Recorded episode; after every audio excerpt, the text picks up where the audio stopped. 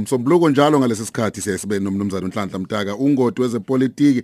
Sibheka izinto eziningi ezithinta ke ipolitiki. Khumbula ukuthi inyanga le esikuyona iyinyanga eyaziwa ngokuthi Africa Month kuyinyanga ke yethu ngama Africa namhlanje sibheka ke eh, isihloko ke sithinta bona ke ubuhlakani bamakhosi akithi Africa baba Mtaka sikubingelele mfowethu kwamukele kukhozi ku Exen abendlovu namandla entsha nasezantsi siyabingelela mthini Eh baba umntaka eh udaba nje esifisa ukuthi mhlambe ke ukusihlazele lona njengongoti eh ikakhulukazi owazi kabanzi eh nangazo zonke ezisuke izithinto amazwe ikakhulukazi futhi akhona la eAfrica ngabo njalo eh, ubuhlakani eh, bamakhosi aseAfrica eh ukuthi mhlambe bebethunga kanjani ubuhlobo eh phakathi kwamazwe namazwe?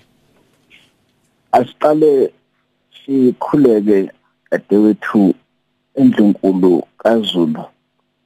Sikhale ngalomuga ovelile ukuthi lapho kade sibabaza udaba lesilo samabandla bese sizwa futhi ukuthi awusolungile negwalagwala eh indlovukazi eh uMahlameni kodwa ke uma sibuyela kulolu daba esikhuluma ngalo udaba olumqoka ngoba kufanele siqale samukele ukuthi ubukhosi eAfrika ibona uhulumeni wokuqala owakwaba khona.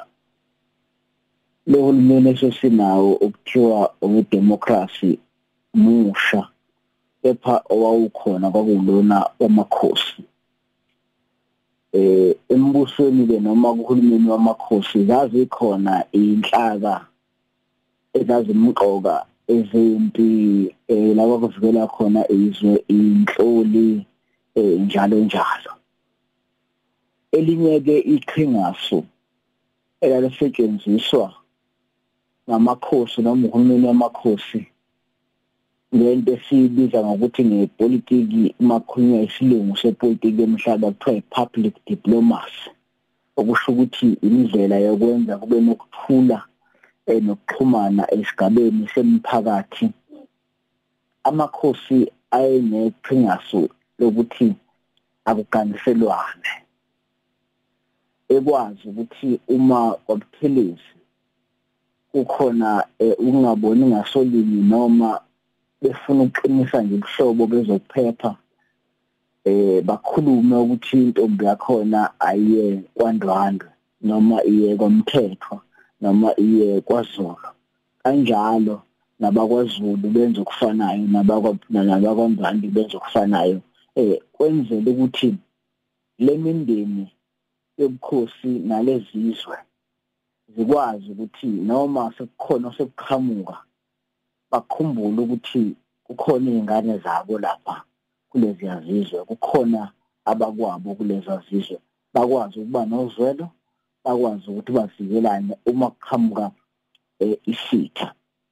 Kwasebenza kakhulu ke eAfrika yonke kukhona lapha eNingizimu Afrika kuphela eh noma eh sithi nje eKwaZulu Natal kuyo lonke eAfrika bukhona ubufakazi bokuganiselana ngenhloso yokuthunga imiphakathi ngenhloso yokuthunga eh ubudlelwane lapha nje eNingizimu Afrika njengoba sikhuluma ngalomuga ovele endlunkulu kaZulu singaleveza ubufakazi obuphathekayo ukuthi indlunkulu kaZulu amampondo abakwaXhosa amandebele namaswazi babekwazi ukuganiselana ngenhloso yokwakha ubuhlobo.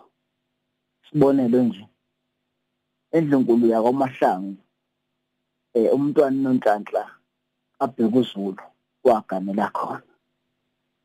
Umntwana nomusa waya eh kwamaXhosa kwaSandile nomhla kabheka uZulu nasemampondweni umntwana uJessica wayakhona evela kwaZulu kwakhiwa ubuhlobo mm.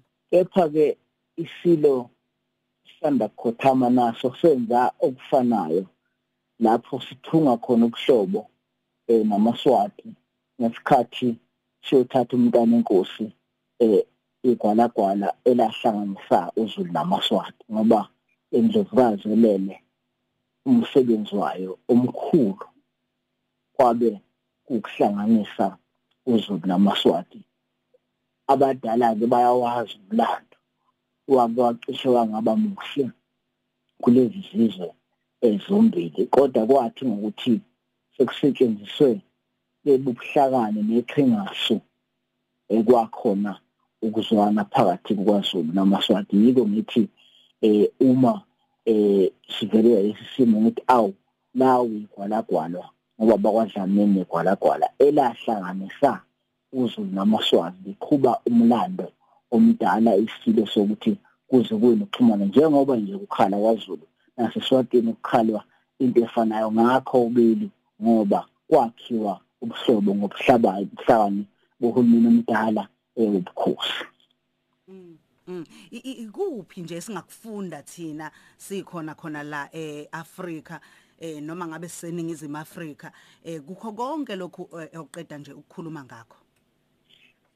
Singafunda ukuthi sizalwa zihlakani zangempela. Amakhosi eh nabadala abasizalayo kwakungabantu ababengabukeli manje kepha bebukela ikusasa. Singafunda ukuthi eh sihlobene. Njengoba ngisho nje ukuthi ngisho akuyona into entsha lena ngisho ngekhathi lapho yayibhikana phakathi kwaButhelezi nozwide kwayilanyulwa ngabesifazane yayilanyulwa uganiselwana ngisho sibhikana phakathi kwabathethwa kanye nobuthelezi. Yayilanyulwa ngabesifazane ababekwazi ukuthi kuganiselwane ikhaza leli eh lokwakha imindeni ngoba ekuganiselaneni nanakha imindeni ungunaphakade ukuze kubhubha umhlaba kwaziwa ukuthi intombi yakwaButhelezi ikwamntaka engakho laba khona abashana kukhona ubani kuba ubuhlobo obude. Sifunde ukuthi abazali bethu babazi ukuthi ekhathini ethize kuyenzeka izizwe nemindeni ithintane kabi. Kodwa bese ke kudingeka ukuthi kube khona isimo la kugwenywa khona ukuthi bese kuqatshana kwakubuhlakani obumangalisayo futhi nezinye izizwe zaze zakweba nazo zenza okufanayo. Kube sinesikhathi nje bengakulandisa ukuthi abaseFrance benza kanjani ukulungisa udaba lwabe namaJalimani amaJalimani enza kanjani ukulungisa udaba. Lapha eSaudi Arabia umndeni lo kaSaudi lo sekuthiwa Saudi Arabia kwenza kanjani ukuthi uzoqhamuka leli gama?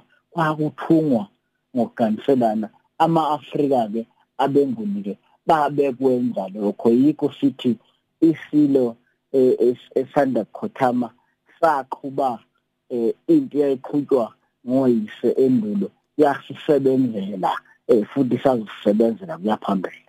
Hey uyazi wakhuluma ngempela njengoba usho ukuthi uyafisa ukuthi engathi kube ngabe isikhathi sithe ukuthi ukwazi ukuyichaza kahle la ngiyabona nasey'nkundleni zokuxhumana ukhuluma nje eh bayakhuluma ngalokhu okushoyo ukuthi hey bebengakwazi okukhuluma ngakho. Sibonga kakhulu ukuthi ube nathi sihlaziya ke ezepolitiki nawe njengongoti ikakhulukazi ke wezepolitiki ngolimi esiliqonda kangcono. Ithoza kakhulu eswalisa ingakho nje sizoqhubeka nalidaba ngoba njengoba abantu kade bekhuluma uyichaza endlovukazi kubeli yini sizoloku sibhala nje enkundleni zokuxhumana sichaze ngaphansi kwesihloko esithi gwalagwala elahlanganisizwe namaswati sikusho lokhu siyacela nabadala emakhaya abaziyo ukuthi lesi simo esabhekwa yisilo ngasesikhathi salungiseka kanjani ngoba yazi ukuthi kwakukhona ukungaboni ngasonya kodwa umdlokombane njengomuntu okuthula waqinisekisa ukuthi uthatha iseluleko esasendulo ukuze alungise inamuhla nekusasa. Eh yiko ke sithi ke kuleli sonto siyazi ukuthi igwalagala eh liyabekwa. Sonke sizobe sikhona eh abazobe ngekho ngomzimba bazobe beshona sibamele khona siyosho nathi ukuthi sibonga nje ubuhlobo eh nabakwangwane. Sibonge futhi nobuhlakani obenziwa ngamakhosi amadala ngalolu daba.